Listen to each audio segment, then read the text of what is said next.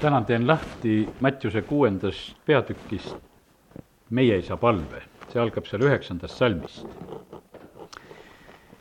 Teie palvetage siis nõnda, meie isa, kes sa oled taevas, pühitsetud olgu sinu nimi, sinu riik tulgu, sinu tahtmine sündigu, nagu taevas, nõnda ka maa peal. meie igapäevast leiba anna meile täna päev ja anna meile andeks meie võlad nagu meiegi andeks anname oma võlglastele. ära saada meid kiusatusse, vaid päästa meid ära kurjast, sest sinu päralt on riik ja vägi ja au igavesti, aamen. see palve õpetab meile, et meil tuleks paluda, et jumala riik tuleks ja tema tahtmine sünniks. jumala riigist me saame kõik, mida me tegelikult vajame ja ma tahan täna nagu neid pilte edasi anda, mida olen siin saanud ühel hommikul issanda ees olles. mina olen see, kes annab teile igapäevast leiba. nii kui siin selles palves õpetatakse, et palume Jumala riiki ja siis palume igapäevast leiba. mina olen see, kes eh, korraldab suhteid. sest et eh, järgmine mõte oli siin, et anna meile andeks meie võlad, nagu meiegi anname andeks oma võlglastele. ja siin on, ütleme, seos kohe inimestega, kes on meie ümber ja jumal on see, kes korraldab suhteid. ta korraldab nii laste kui vanemate vahel seda, ta korraldab mehe ja naise vahel ja suhted korrastuvad alates sellest inimesest, kellel on probleem. sest et kui siin seda palvet, kuidas Jeesus õpetab, ta ütleb, et anna meile andeks meie võlad, nagu meie andeks anname oma võlglastele põhimõtteliselt on see niimoodi, et vahest, kui ma mõnele inimesele õpetajana räägin nagu sellel teemal ja ta ütleb, aga ta mulle ei anna andeks. ma ütlesin, sa ei peagi ta käest andeks paluma, sina anna andeks talle. sellepärast, et siin on, et nii kui meie anname andeks oma võlglastele, sellepärast et vahest eh, teine pool ei võta seda juttu üldse vastugi ja siis on niimoodi, et aga meie omalt poolt saame teha alati selle eh, ja, ja see on suhete korraldamine, meie tahame jumalaga suhteid korraldada ja, ja selle juures kohe Jumal tegelikult äh, sekkub selliselt, et ta ütleb, et, et see peab olema nõnda äh, tehtud, nagu meie anname andeks oma võlglastele. Kadunud poja lugu, Luka viisteist, me ei hakka seda lahti tegema, lihtsalt jutustan seda, seal on kellel probleem? Sellel nooremal pojal on ühel hetkel probleem, tal läheb elu kehvaks kätte ja, ja ta on nagu kitsas olukorras, tal ei ole nagu asi hästi. isal ei ole probleemi isa põhimõtteliselt on kodus, on lihtsalt armastuses ootamas ja noorem poeg tuleb koju ja tema lahendab oma probleemi ära sellega, et ta lihtsalt ütleb, et isa, isa, anna mulle andeks, olen pattu teinud, olen seda teinud Jumala ees ja sinu ees anna mulle andeks. vanem poeg, kes me seda lugu teame, tema jäigi probleemi. sest et tal olid pretensioonid oma ütleme, noorema venna koha pealt ja eks tal oli pretensioon ka isa koha pealt, sellepärast et põhimõtteliselt ta seal selle oma rahulolematuse ütleb välja ja, ja tema ei saanud lahendust. Tölnerid ja patused, nii nagu me piiblist leiame, lahendasid oma probleemi ära. Nad tulid Jeesuse juurde, kaks inimest lähevad palvele, üks ütleb, et, et jumal, ole mulle patusele armuline, tal on asi korras, teine kiitles oma headuses seal ja see ei aidanud põhimõtteliselt. ja, ja sellepärast on see nii, et, et eh, kõik ei lahenda oma probleeme Jumala ees ära, selle tõttu, et nad ei alandu Jumala ette, variserid ja kirjatundjad ja, ja igasugused ülemad, kellest piibel kirjutab, nad ei teinud seda, nad ei lahendanud oma asju. ja e, probleemi peab lahendama see, kellel see on. ja enda probleem tegelikult e, laheneb e, teistele ja, või teisele siis andestades. ja asi on lahenenud kui enam midagi lahendada pole. asi laheneb siis, kui lõpetad nõudmised. põhimõtteliselt on seda väga lihtne nagu rääkida, nii lihtne seda kindlasti nagu teha ei ole, sest katsu sa igasugu nõudmisi lõpetada, aga lihtsalt täna võtame sellise õpetuse siit sellest meie isa palvest ka, anna meile andeks meie võlad, nii nagu andeks anname oma võlglastele ja sellepärast peame nende asjadega selliselt tege-, tegutsema. küsisin issanda käest seda ka, et, et see järgmine mõte on see ka, et ära saada meid kiusatusse, see on võib-olla kõige selline no niisugune segavam ja häirivam küsimus selles meie isa palves, nagu jumal oleks see, kes meid lükkaks kuskile kiusatusse, aga sain sellise vastuse sellel korral.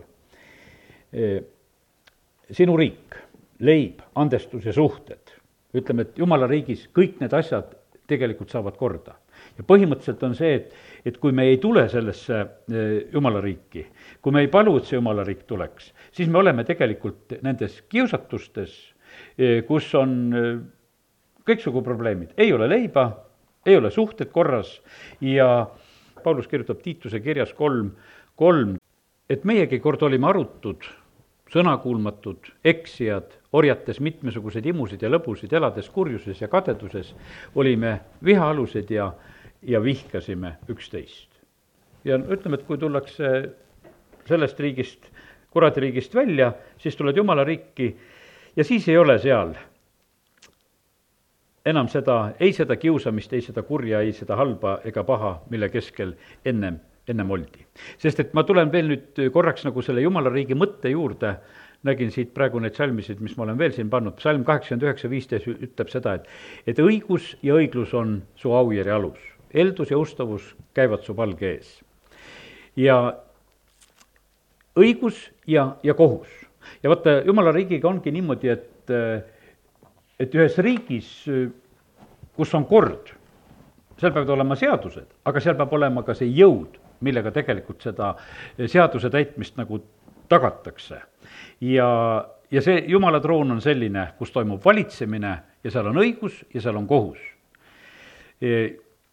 laul üheksakümmend seitse kaks ütleb sama mõtte põhimõtteliselt veel, et pilved ja pimedus on tema ümber, aga õigus ja õiglus on ta aujärje alus ja siin eestikeelses tõlkes on need kaks sõna nagu üsna sarnased, aga põhimõtteliselt on seal räägitud sellest õigusest ja, ja kohtust. on räägitud seadusest ja on räägitud kohtust, sellepärast et, et kui on seadus, siis peab olema ka kohus, kes jälgib nagu seda, et kas seadust täidetakse, see on igas riigis on niimoodi, et, et meil on seadust andev võim ja, ja, ja siis on kohtuvõim, kes jälgib seda, et kas seadusi täidetakse. ja ära saada mind kiusatusse Äh, Sakkius, üks piiblitegelane Luuke evangeeliumist meil on, kes oli kiusatuses. Ja mis kiusatuses tema oli, tal oli kiusatus elada teiste inimeste arvelt. ta oli maksuvõtja, kui ta inimesi nägi, maksu võttis, siis ta tahtis seda ebaausalt teha, ta tahtis võtta rohkem, et kasu saada, tahtis seda teha ülekohtuselt, saada endale kasu teiste arvelt aga tulles issanda juurde, eh, ta vabanes sellest raskest koormast. ta korraldab suhteid, ta ütleb sedasi, et kellele ma olen ülekohut teinud, maksan neljakordselt tagasi ja, ja poole oma varandusest jagan vaestele. ja, ja tehes head, tegi ta endale head. ja ta saavutas vabaduse tegelikult endale ja vabaduse saavutamisel eh, peab olema kannatust, järgmine asi, sellepärast et eh, praegu võib noh, ütleme, sellise kiire rääkimisega jääda nagu selline mulje, et see asi käib väga lihtsalt kõik, et näed, et üks palve, palume, et jumala riik tuleks, palume, et leib oleks laual, palume, et suhted saaksid korda, anname andeks, asjad lahenevad kõik järjest. aga järgmine mõte, mis olen nagu saanud, et ka nende suhete korraldamisel eh, eh, peab olema kannatust, sest et asjad ei lähe tegelikult väga, väga kiiresti Apostel Paulusel, kui ta sai päästetud, kui ta sai jumala omaks, siis ega temal ka nii väga libedalt see asi ei läinud. alguses ei võeta teda vastu, sest ta oli koguduse tagakiusaja ja esimesed kristlased ei usaldanud teda. no varsti nad hakkavad järk-järgult usaldama, et, et ta tõesti on pöördunud eks tal jäävad siis sellest oma vanast seltskonnast kiusajad, aga, aga ei võta teda ka kõik mitte vastu, kes on Kristuse omad et mitte kõik ei võta, sest Philippi kirjas ta kirjutab seda, ütleb sedasi, et, et eh, osad eh, kuulutavad Kristust kiusu pärast ja mitte puhta meelega, et arvates võivad suurendada mu vangipõlve viletsust. Nad lihtsalt püüavad sedasi, et nad kuulutavad sellise moega, et nad teevad seda, et kuidagi Paulus oleks nagu süüdlane, et tal oleks nagu raskem. Paulus ise ei ole nagu sellest asjast häiritud. ta võtab seda, ütles, et ah, peaasi, et Kristust kuulutatakse kas või kiusu pärast, peaasi, et kuulutavad. ja, ja see, ja sellepärast on see nii, et, et ta annistab neid, kes teda taga kiusavad ja, ja tunneb ikka rõõmu evangeeliumi leviku pärast, mis siis, et see oli seotud tema raskuste suurendamisega kus koha peal Paulus oli kompromissitu, oli ta valeõpetuste koha pealt, seda ta ei soovinud, et eh, kui kuulutati ja õpetati valesti, siis me ütleme, Galaatia kirjas ta ütleb, et olgu neetud need, kes eh, seda kuidagi teiseks pööravad või selliselt teevad, nende vastu ta tegelikult astub väga otsustavalt. nüüd, eh, kui su, kui sa jaksad oma mõtet veel teritada ja kaasas olla, see võib-olla ei ole kõige kergem järgmine mõttekäik, mille juurde ma tulen, aga siiski proovime siit praegusel hetkel midagi aru saada. sest et eh, issand juhtis mind, et loe eh, Apostel Pauluse seda kaitsekõnet, eh, mis ta kirjutab teise Korintuse kümnendas peatükis nüüd.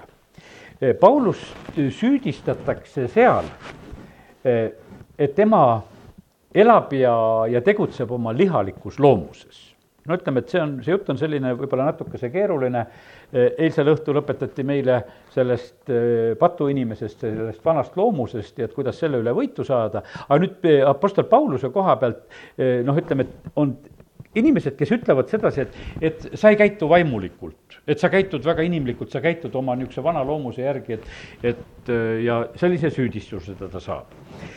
ja, ja siin ta nagu vastab sellele et eh, kuidas nagu sellisele süüdistusele nagu tuleks reageerida.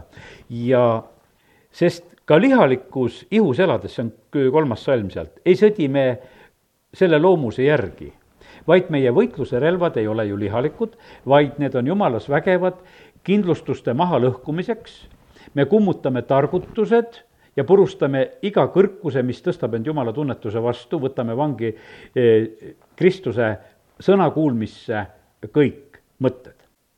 kaks asja, millele võib-olla võiks nagu tähelepanu selliselt juhtida, me oleme seda kirja kohta, me oleme üsna tarvitanud selliselt, et kui meil enda mõttemaailmas on igasuguseid niisuguseid mõtte äh, arusaami ja kõrgistusi ja kindlustusi, et noh, me ütleme, et ega see on üsna tugev asi, et kui me mõnda asja nagu mõistame, siis me mõistame, et see on nii.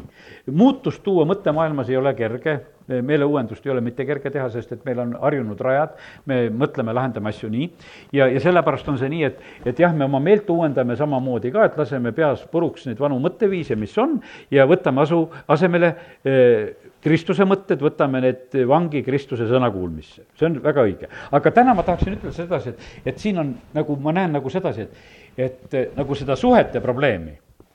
teised inimesed süüdistavad Paulust, et, et sa ei ole väga vaimulik mees, sa oled selline, tead, eh, väga inimlik ja lihalik ja, ja sa elad sellise meetodiga ja aga nüüd on niimoodi, et, et tema laseb nagu enda jaoks ka need puruks, need teiste inimeste eh, käest saadud mõtted ma mõtlen, et võib-olla see on selline lugu, et me oleme siin, eh, kes me sellest aru saame sedasi, et kui inimestega suhtlemisel tekivad meil sellised mingisugused noh, niisugused sidemed, hingelised sidemed, et et ja kuidas neid hingelisi sidemeid mõista, et vaata, kui meil on mingisugune noh, eh, probleem on lahendamisel, see jääb meil ketrama.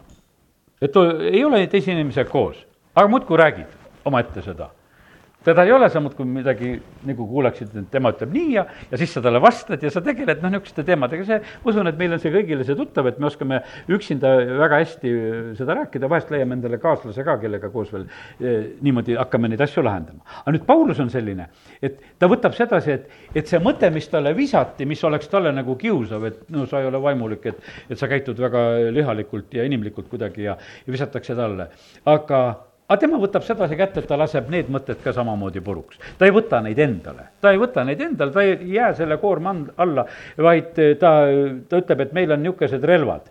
Need ei ole lihalikud, need on vägevad eh, kindlustuste mahalõhkumiseks, ne-, need asjad, mis ka praegusel hetkel nagu tulevad, ta ei saa kohe maha lõhkuda neid teiste inimeste peades, need jäävad ikka niimoodi mõtlema kui sa noh, praegu nagu selle mõttega veel kaasas suudad olla, teised ikka mõtlevad, ah, Paulus, sa oled niisugune. aga tema enda jaoks teeb sellise kaitsemüüri, et aa, ma ei võta seda vastu, seda süüdistust, ma olen vaba sellest. ja, ja ta oma mõtted võtab ikkagi vangi Kristuse sõnakuulmise alla ja, ja siis ta muidugi räägib sedasi, et, et ta on valmis nuhtlema ka iga sõna kuulmatust ja oleme valmis nuhtlema iga sõna kuulmatust, kui teie sõnakuulelikkus on saanud täielikuks. et ta põhimõtteliselt tahaks tegeleda ka nende teistega, et aidata neid tuua ka nagu sellest olukorrast välja.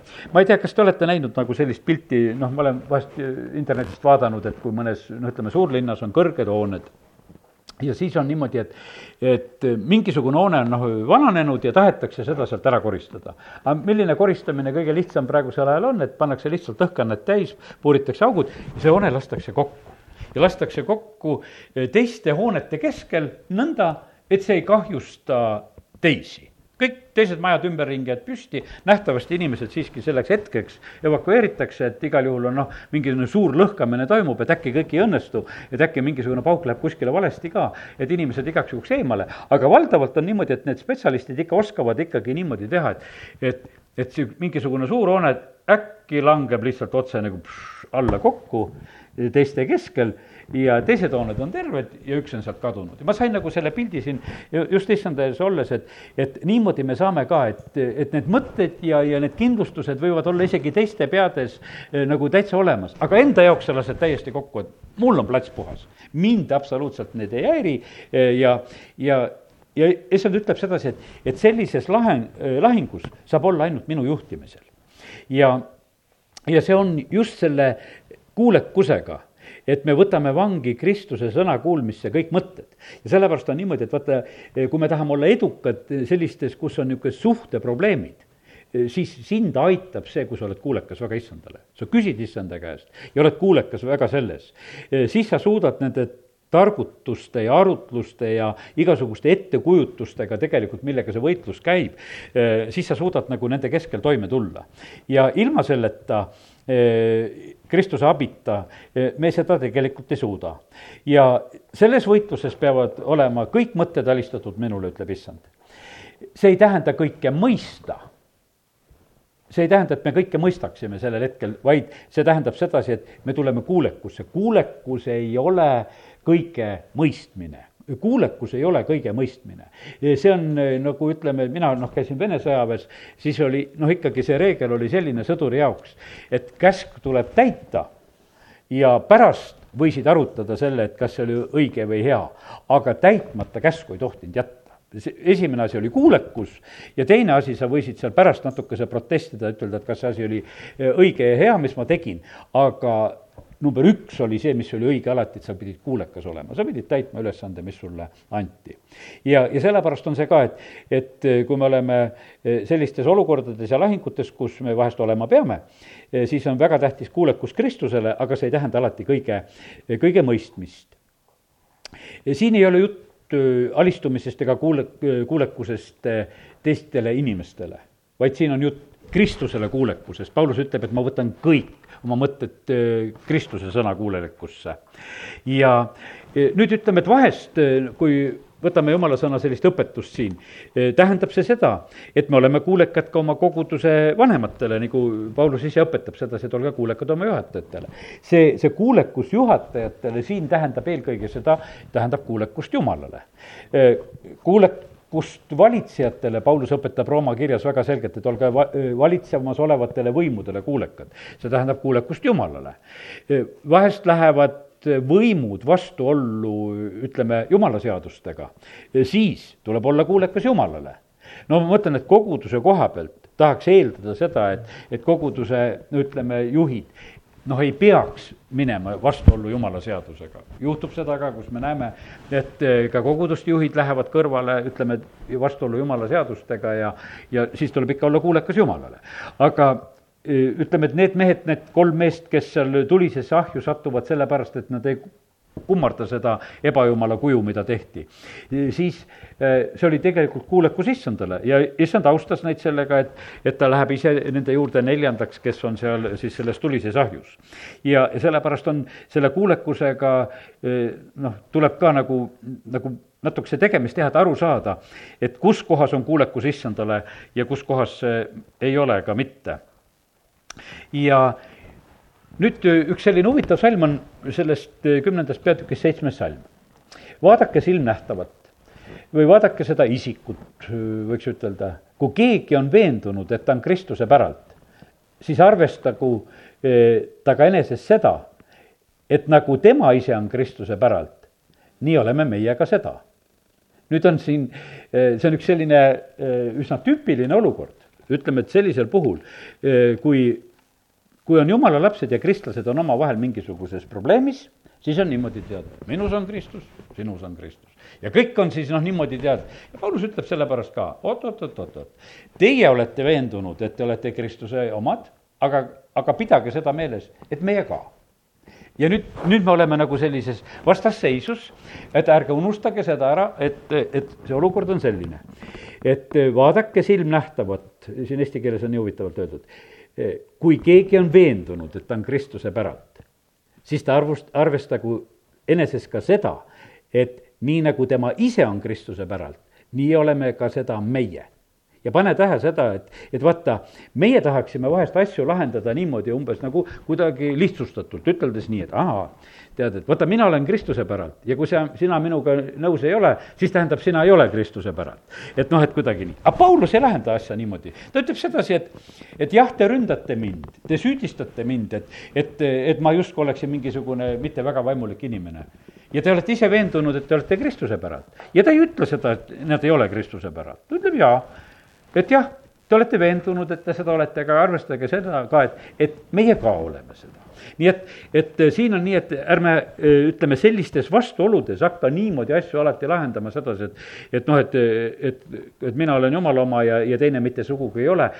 meil võib olla ka lahendamata selliseid nagu selliseid teatud tüliküsimusi, kus me alati nagu üksmeelele kohe ei jõua, eh, ka kristlaste vahel, sellepärast et lihtsalt ei ole saanud ühele meelele ja oleme sellises olukorras. ja sellepärast Apostel Paulus õpetab sedasi ka eh, üsna rahulikult, eh, nagu see, selles olukorras, kui ta seda on vastamas ja sest kui ma kiitleksin meie meelevallast, mil, mille issand on andnud teie ehitamiseks ja mitte mahalõhkumiseks, siis ma ei jääks häbisse. ta vaikselt tõstab nagu enda positsiooni ka siin, ta ütleb sedasi, et põhimõtteliselt eh, noh, mina mm, noh, võiksin eh, praegusel hetkel ka selle meelevallaga, mida ma oman, eh, nagu ka esile tulla issand on andnud selle mulle ehitamiseks, mitte mahalõhkumiseks ja sellepärast ta võtab väga ettevaatlikult neid inimesi, kellega ta väitleb seal. seal olid ka e, tema koha pealt sellised süüdistused, et, et ta julgeb olla nagu mingi kirja teel on ta mingisugune hirmus julge, aga kui ta kohale tuleb, siis ta enam nii julge ei ole. ja e, natukese kiirendan nagu seda mõttekäiku, et mitte väga kauaks ei jääda, kümme, viisteist ütleb ta nõnda, me ei kiitle mõõtu pidamata võõraste vaevaga, aga meil on aga lootus, et kui teie usk teie sees kasvab, siis kasvame ka meie üliväga meile määratud korra kohaselt.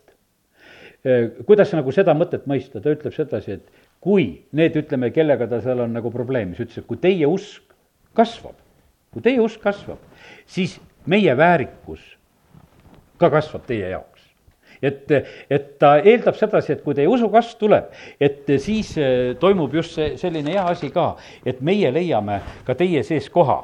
ja, ja see tuleb just sellise eh, väärikuse kasvu või sellise vastuvõtmise kaudu.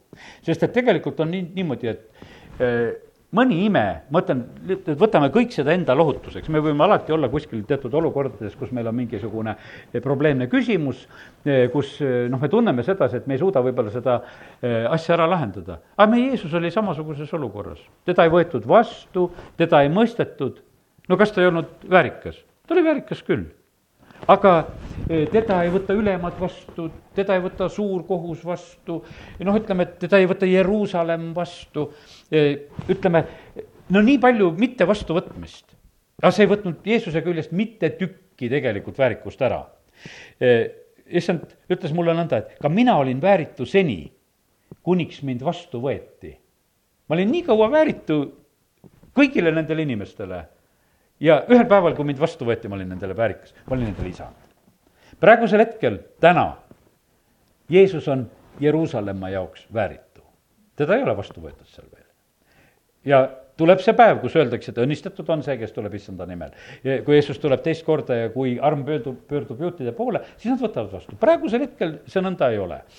sest et lihtsalt nad ei ole veel seda mõistnud Jeesus oli vääritu Apostel Paulusele nii kaua, kui ta vastu võttis. kirjatundjad, preestrid, no ütleme, Apostlite tegudest me saame lugeda sedasi, et tuleb juba seal, juba esimesel sajandil, et, et suur hulk preestreid saab kuulekaks usule. Jeesus muutus nendele väärikaks. ja, ja sellepärast on see nii, et äh, me ei pea põdema ja sedasi, et me ei suuda igal pool ära tõestada oma väärikust või oma seisukohtasid või asju, vaid võtame rahulikult, usu kasvades asjad saavad lihtsalt kokku. ja, ja see, ja sellepärast on nii, et Jeesus, kui ta risti peal sureb, ütleb, et isa, anna nendele andeks. Nad ei tea, mis nad üldse teevad praegusel hetkel. ja, ja sellepärast on see nii, et, et issand ütleb sedasi, et, et mitte mina ei muutu, vaid minu vastuvõtjad muutuvad. ja nii põhimõtteliselt Apostel Paulus ka selles oma kaitsekõnes ütles sedasi, et ma ei püüa teist nagu kuidagi nagu teerull üle tulla, aga ma ootan, et teie usk kasvaks ja et ühel hetkel on meil ka kohta tegelikult teie sees ja, ja sellepärast olgu see eh, meile nagu abiks. nüüd järgmine asi on selline, et eh, mis ma nagu selle teema juures nagu sain, on siitsamast teise Korintuse üheteistkümnendast peatükist. ja, ja see toob nagu veel ühe sellise aspekti nagu selles asjas juurde, et aga kustkohast me üldse saame selliseid nagu igasugu mõtteid ja ka valesid mõtteid ja asju me saamegi neid, ütleme, ühe käest ja, ja selleks on vaenlane, kurat, saatan, kes on see diabolos, kes on nende mõtete pilduja. ja ta on väga osav mõtete pilduda, lihtsalt viskab ühe mõtte. sellepärast, et kus koha pealt nüüd, ütleme, kas või see kümnenda peatüki lugu, kus seal Paulust süüdistatakse, et kuskohast see asi oli alguse saanud? no kuskilt mõtetest. tegelikult oli see, noh, ütleme, et see oli mingisuguste mõtetega võitlemine. ja nüüd järgmine asi, mis ma sulle tahan ütelda sedasi, et vaata, kui, eh, kui me oleme mingisuguses sellises teatud nagu võitluses, ära võta seda väga tõsiselt. eriti, kui need on kuradi poolt eh, süstitud mõtted. Need on tegelikult valed meil ei ole vaja mõtet väga tõsiseks minna. sellise noh, ütleme, et mingisuguse kuradi vale peale, et, et ta on tõstnud mingisuguse vale üles ja meie kangesti tõestame. see, sellel asjal ei ole absoluutselt mitte mingisugust sellist mõtet. sellepärast loeme seda üksteist kaks. sest ma olen kiivas teie pärast jumaliku kiivusega, kuna ma olen teid kihlanud ühele ainsale mehele, et teid puhta neitsena esitada Kristusele. ma kardan, et nõnda nagu madu pettis Eevat kurikavaluses nii rikutakse te, ka teie lihtne ja puhas eh, Kristusest arusaamise võime. lihtsalt, vaata, mõttemaailmas on, eh, mõttemaailmas on rikkumine. ja, ja sellepärast, kallid, me oleme samasugused inimesed. E, e, ütleme piibli algusest, Eeva, lihtsalt mõttemaailmas eh, tehakse rikkumine ära uued mõtted lihtsalt süstit-, süstitatakse sisse. ta läheb nagu nende mõtete järgi, sealt tuleb, ütleme, inimkonna patulangus. ja, ja sellepärast on see nii, et, et me peame kogu aeg ka seda meeles pidama, et me elame täpselt siin sellises maailmas, kus kurat oma kurikavaluses pillub mõtteid ja meie tegeleme niimoodi, et me süttime nende igasuguste noh, niisuguste mõtete peale. lihtsalt võiks ütelda selline noh, ütleme teoreetiline lugu, praegusel hetkel nagu no ütleme, kuningas Taavet kui ta elus oli see eksimine, kus ta abielu rikkus ja, ja, ja, ja prohvet see Naatan tuleb tema juurde, jutustab talle lugu sellest rikkast mehest ja jutetallest. no tegelikkuses oli see täiesti väljamõeldud lugu see, see ei olnud üldse mingisugune lugu, sellepärast et jumal ütleb prohvetile, et mine räägi üks niisugune lugu, räägi kuningale lugu, et üks rikas mees ja, ja tead, ja talle tuleb külaline ja ta ei ratsi võtta oma karjast ühte lambatallekest, et külalisele süüa teha, et ta läheb, võtab vaese mehe ainukese talle, et, et oma külalist toita. rikas mees toidab niimoodi, et võtab naabri oma ära ja, ja toidab nii. lihtsalt see lugu, aga paned tähele, mis selle loo peal juhtub? selle loo peal juhtub see, et Taavet süttib nii ütleb, et ta on surmalaps. aga seda, seda, eh, seda inimest ei olnud olemaski, keda ta ära tappa tahtis see lugu oli tähendamissõnana põhimõtteliselt talle räägitud ja sellepärast ma eh, räägin sedasi, et vaata, me saame samamoodi süttida niimoodi täiesti valede juttude peale, täiesti valede arusaamade peale. ja need võivad olla meie mõistuses ja me süttime, me läheme võitlusesse ja, ja me ütleme, nii ei ole õige. me läheme no sõtta, sõtta selliste asjadega ja tead, kuidas kuradile meeldib sedasi? põhjust ei olegi, aga sõda on. põhjust ei ole, aga sõda on. no Taaveti elus oli niimoodi, et põhjus oli ja see lugu pidi lahenema ja see oli kõik okei okay.. aga kuradi plaanid on sellised niimoodi, põhjust ei ole, aga ta põhjustab sõja ja, ja ta naerab lihtsalt kõrval sedasi, et vaata, kus lollikesed eh, läksidki omavahel kaklema eh, eh, sellise asja koha pealt, kus üldse probleemi ei ole. ja teate, mis ma siis ütlen, jätke see asi täitsa meelde sellepärast ei ole keerukate probleemide lahendamine üldse võimalik, sest tegelikult neid ei ole olemas. Need on teoreetilised jamad. ütleme, et kui on päris lugu, siis seda on võimalik ära lahendada. aga sellist teoreetilist jama, eh, mis on lihtsalt mõttemaailmas üles ehitatud asi, no kuidas sa saad seda korda teha, sest seda ei ole olemaski. ja, ja, ja me lahendame sageli inimestena selliseid asju, eh, mida olemas ei ole ja me näeme niisuguste jamade kallal vaeva, sest need ei saagi lahendada valede jaoks ei ole lahendust. üks Vene, siin just hiljuti üks jah, Vene välisminister ütles ühe olukorra juures samamoodi, mida Venemaad süüdistati, tema ütles, et et noh, et olematut asja ei saa lahendada. mulle nii meeldis see, et, et noh, Venemaad süüdistatakse, ütles, aga noh, see on, see on olematu lugu ja meie seda lahendama ei hakka sellepärast, et niisugust lugu ei ole, et miks me peame, et miks te tirite meid sellise asja lahendamisel, mida üldse olemas ei ole.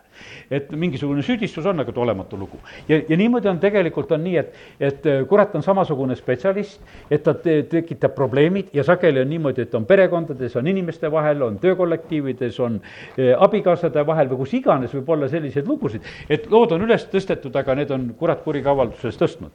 ja teate, mis nende asjadega ainult teha saab? Need lood tuleb lihtsalt hüljata ja sellepärast on meil õppida nagu kadunud poja loost, et vaata, seal on niimoodi, et, et isal ei ole mitte mingisuguseid pretensioone. poeg tuleb koju, ta ei hakka arutama, kuule, arutame selle elu läbi.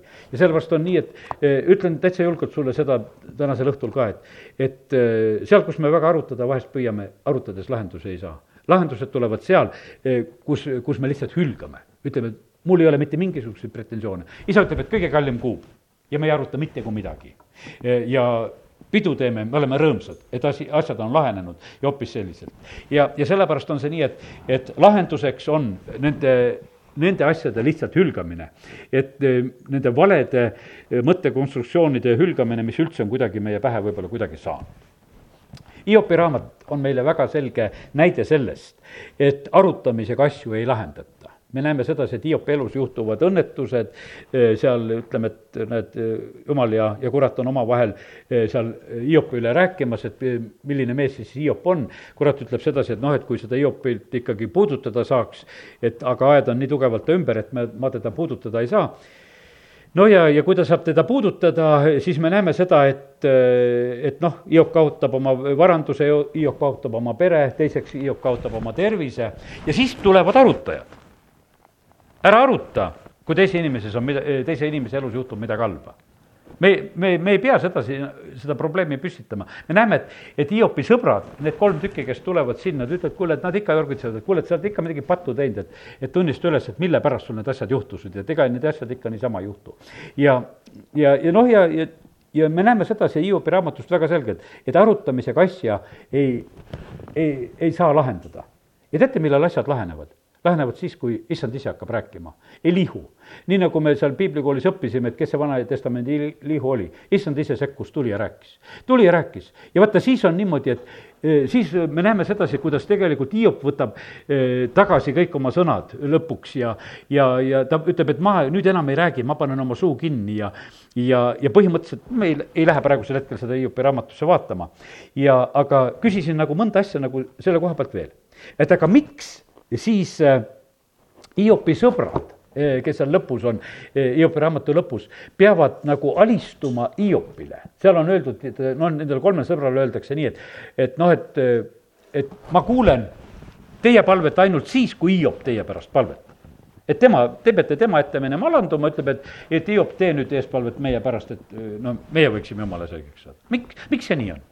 sain sellise vastuse, et see oli proportsioonis inimeste ees mulle vastuhakkamisega, millega tegelesid need tegelikult need Hiopi kolm sõpra. Nad läksid üle teatud piiride oma käitumises sellel hetkel, kui nad Hiopiga seal väitlesid, nad läksid üle piiride. Mooses ei saanud tõotatud maale eh, mulle vastuhakkamise pärast eh, inimeste ees. olgugi, et see oli Jumala ja Moosese vaheline asi sellepärast, et Jumal ütleb Moosesele, et, et sa ütle kaljule, Mooses lööb kaljut ainult ütleme selline noh, nii, no võiks ütelda meie mõttes võib-olla noh, nii väikene asi, et, et et noh, et, et kä-, käed vehkisid ka siis, kui ütlesid. mäletan sedasi, et üks poliitik kunagi noh, oma käega löömist, kus ta päriselt lõi ühele lapsele, lõi vastu nägu. Ja, ja siis oli noh, arutati selle üle, et noh, et kuidas saab poliitik lüüa last eh, ja noh, sellises olukorras ja siis mul oli tore kuulata, kuidas poliitikud oskavad asja ära lahendada. ütles, et ma lihtsalt lõin käega. ma lõin sellele asjale lihtsalt käega, noh, aga lõin käega ja läks pihta ka. tead, eks, aga vaata see, me ju ütleme sedasi, et kui ma noh, mingi asja jätan lihtsalt, ma lõin käega lihtsalt, eks, et ma, aga käega löömine nüüd kahes mõttes kas lihtsalt rehksasid natukese või läks pihta ka? tead, eks no läks pihta ka ja, ja, ja aga ta ütles, et aga see oli lihtsalt käega löömine, et ma jätan asja sinna paika, aga niimoodi, et, et saad paugu ka. tead, et noh, et, et aga et sellise asja lõpu teed. vaata, kui, kui oskuslikud me tegelikult oleme niimoodi eh, nagu vahest neid asju eh,, asju lahendama. ja, ja, ja sellepärast on niimoodi, et Hiopi sõbrad ületasid tegelikult selliseid, ütelda neid selliseid õigeid piire mi-, mida nad ise tegelikult teadsid, et nad lähevad üle piiri. aga tead, mille pärast ületatakse selliseid piire? me läheme hasarti, kui on mingisugune noh, ütleme, asjade lahendus, see on, ütleme, et kui abikaasade vahel on tülid või üldse perekonnas on tülid või on sellised, siis püütakse üksteisele tead järjest tugevamate argumentidega kuidagi midagi ära tõestada. hasart tõuseb ja vaata, seal ületad piire, kui sa lähed hasarti nendes asjades. sest et kui sa lähed hasarti, siis on sul soov tegelikult teist poolt eksima panna sa tahad sedasi, et, et noh, et teine pool teeks vea. Ja kui nüüd teine pool teeb vea, siis, siis sa tõused selle veale otsa, aa, näed, sa praegusel hetkel reageerisid valesti ja, ja, ja oled nagu võidukas, et ma suutsin. aga ise tegelikult provotseerisid, et teine pool eksiks. ja niimoodi Hiopi sõbrad tegelikult nad olid hädas, et Hiopit nad ei saa kuidagi nagu endast välja viia ja päris nagu selliselt, eh, mida nad nagu tahtsid, nad ei saavutanud seda. Ja nad provotseerisid teda seal parasjagu. Ja, ja nüüd on niimoodi, et sellega nad püüdsid teist alandada, aga see ei ole aus ja e, e, viga on see, ühesõnaga, e, kui, kui me püüame niimoodi oma kavalusega teist saada nagu viga tegema. ja, ja sellepärast issand paneb neid asju tähele ja, ja sellepärast issand ütles, et ma karistan selliste asjade pärast. ja sellepärast põhimõtteliselt issand ütleski niimoodi, et nüüd need Hiopi sõbrad tulevad ja alanduvad Hiopi ees ja selle asja lahendamine toimub just sellisel moel. kadunud poja loos vanem vend oleks pidanud Vana-testamendi Joosepi vendade taoliselt tegelikult ise lepitust otsima. me teame seda, et vaata, Joosepi vennad samamoodi müüvad maha ja käituvad väga halvasti ja valetavad ja, ja, ja laimavad ja süüdistavad ja, ja kõik, mis nad nagu oma venna peale nagu teevad ja, ja siis, aga põhimõtteliselt nad hiljem, ütleme, et kui Joosep on oma valitsevas positsioonis, siis nad ei julge eh, teisiti, kui nad tegelikult otsivad tegelikult armu ja abi. Eh, Jakob Vana-testamendi Jakob seal siis, eks, oli valmis Eesavi ees lepitust otsima, saadab oma kingitused ja värgid ja, ja otsib muidugi seda ka Jumala ees. ja, ja suhted said korda põhimõtteliselt on see nii, et vaata, kuidas need suhted korda said. suhted said korda selle tõttu, et Jakob tegi neid suhteid korda. Kelle süü tegelikult seal rohkem oligi selles olukorras? see kindlasti oligi rohkem, oli see Jakobi süü. sest äh, natukese räägin veel ja ma mõtlengi niimoodi, et kui sa praegu kõike ei suuda kuulata, vahet ei ole, ma panen võib-olla tänasele jutu veel üles ka, et saad veel kuulata, sest see selline suhete korraldamise asi on väga tähtis, et me nagu neid mõistaksime. probleemid me korraldame iseendale. me teatud määral saame probleeme korraldada teistele et noh, natukese häirime ka oma mingisuguste eh, trikkide ja värkidega, aga üldiselt probleemid korraldame endale. ja, ja nüüd on niimoodi, et, et nii Jakob Eesav ja Rebecca ja Iisak, kui seda lugu mõelda, siis oli niimoodi, et, et nii Rebecca kui Jakob korraldasid iseendile probleeme jah, ja seal oli tõotus, ütleme, et kui see, need kaksikud hakkasid sündima, siis Rebecca saab selle teadmise, et, et vanem orjab nooremat. ja nüüd oli niimoodi, et tema oli kangesti nagu mures, ütleme, Rebecca sellepärast, et kuidas nagu seda, seda jumala tõotust täide viia. Jeesuse koha pealt olid väga väga suured prohveteeringud, ütleme terve Vana-testamendi prohveteeringud ja, ja kui Jeesus ise seal Natsareti sünagoogis räägib, ütleb sedasi, et võitmine on minu peal, et kõike, mida ma pean tegema, et pimedad näevad ja, ja kurdid kuulevad ja kõik need igasugused prohveteeringud, asjad ja ja kuidas vaestele kuulutatakse evangeeliumi ja, ja kõik asjad sünnivad. aga me näeme sedasi, et ega Jeesus ei ole noh, ütleme nagu kogu aeg absoluutselt hädas nagu sellepärast, et, et neid asju sündima panna ta teeb neid asju ainult nendel puhkudel, kus, kus isa ütleb, et teha. nii nagu Bethesda tiigi loos on niimoodi, et, et sadade haigete keskelt eh, ta tervendab ainult ühe haige, no mis haige tervendaja sa oled, kui sa ainult ühe haige tervendad. ja põhimõtteliselt, aga sellepärast me näeme seda, et ma õpetan seda praegusel hetkel, et, et meie ei pea ise Jumala plaane täide viima, Jumal viib ise. isa tahe sünnib siin selles maailmas, ta oskab seda korraldada inimeste eludes. jah, isa plaan oli, et Jakobi kaudu lähevad õnnistused edasi ja, ja isa oleks osanud kindlasti, ma mõtlen, taevane isa, neid jum-, ise omi plaane täide viia. ja aga seda segasid niikaua, kui Jakob oli ise tegelikult ka väga tegutsemas oma elu pärast. ja kui need plaanid olid lõppenud ja need olid purustatud, eh, siis põhimõtteliselt eh, tulevad, tulevad õiged lahendused. ja sellepärast on nii, et mis ma täna siin räägin nendest lahenduste koha pealt. ega, ega palju muud lahendust ei olegi.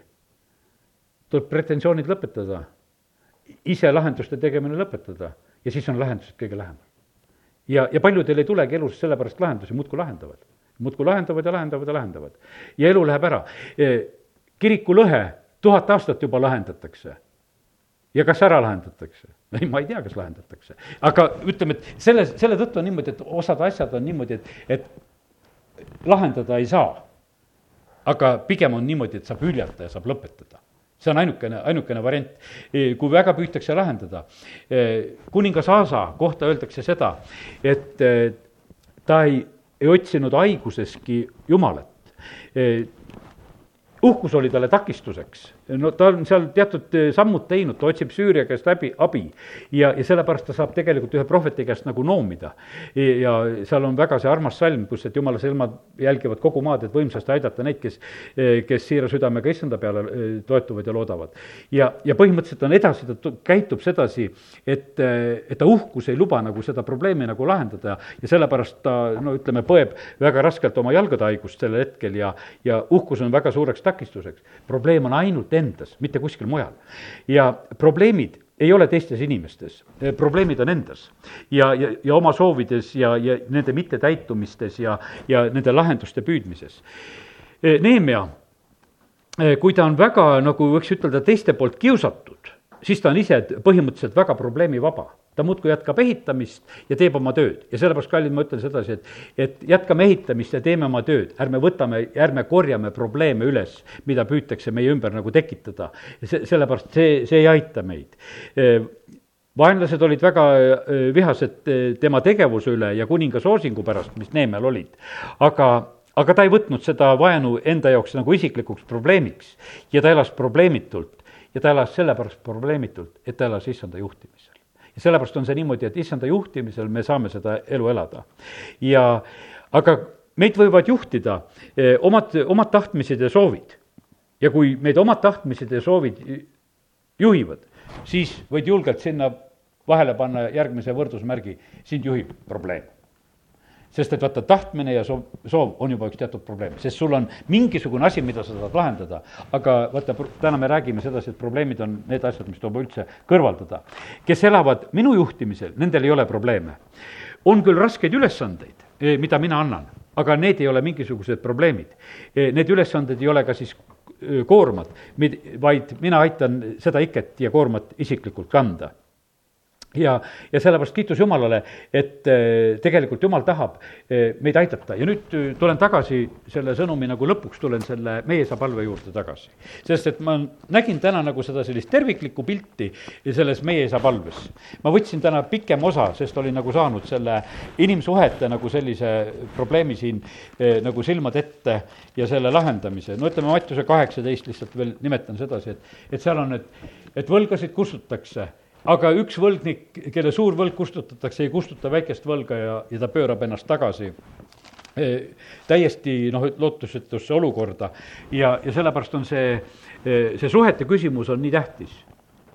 jumala riigis on leib, jumala riigis on e, suhete korrastamine, nii nagu me palusime siin selles palves juba, et anna meile andeks meie võlad, nagu meie anna, andeks anname oma võlglastele me saame vabaks nendest kiusavatest olukordadest, kus on leivapuudus, kus on suhete korras, korrast äraolemine ja samuti, ja siis on see, et päästa meid ära kurjast ja, ja sellepärast on nii, et ja tahaksin täna nagu siin ütelda lõpetuseks sedasi, et, et kus koha peal see kuri kõige rohkem meil on, millest ära tuleb päästa. see on sellest meie vanast loomusest, meie, meist endast. sellepärast, et see kuri, mis ümberringi on, see on tühine asi tegelikult. aga see kuri, mis nagu enda sees saab kurja teha, kus, kus meie vana loomus tegelikult korraldab halbu asju, see on see kõige ohtlikum asi.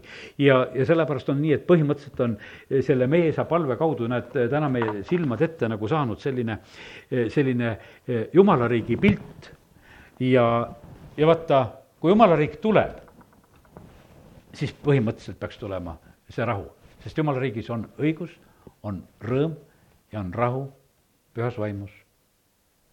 amin. ja taevane isa, ma tänan, et oleme võinud täna siin eh, su sõna juures olla. isa, ma usun seda, et sa oled selle sõna täna läkitanud väga konkreetse sellise soovi ja, ja tahtmisega ja ma usun, et see on õnnistuseks meile, kes me oleme täna siin olnud, aga see on õnnistuseks ka nendele, kes, kes seda järelkuulata saavad. ja jumal, me täname sind, et eh, me võime hakata nagu nägema asjade lahendust selles, et asjad tuleb ära lahendada endi sees, peame maha, maha panema igasugused võlgade nõudmised, igasugused need asjad, mis on meie soovide ja, ja tahtmiste kaudu meie jaoks nagu probleemideks saanud. ja jumal, me täname sind, et, et sinu riigis tegelikult need asjad lahenevad, isa, kiitus ja tänu sulle, et sina meid ise õpetad kõigis nendes asjades. ja me täname sind, Jumal, et me võime paluda sinu eh, õpetatud eh, palve alusel, Jeesus, nagu sa õpetasid meile seda, et sinu isa tahe sünniks, et meil oleks igapäevane leib et meie võlad oleks andeks antud, nii nagu me oleme andeks andnud oma võlglastele. ja me täname sind, Jeesus, et, et me võime olla siis hoitud kõigist nendest kiusatustest ja, ja, ja rasketest olukordadest, mis on meie ümber ja kurjast samamoodi ka. ja me täname sind, Jeesus, et, et meil on koht, kuhu me oma vana loomuse saame risti lüüa ja ühes koos sinuga, Jeesuse ristil on see võimalus.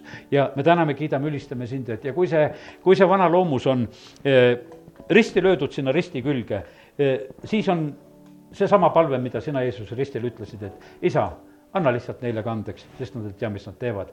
ja me täname sind, et me võime olla siis väga vaba südamega, isa, kiituse tänu sulle selle sõna eest Jeesuse nimel, amin.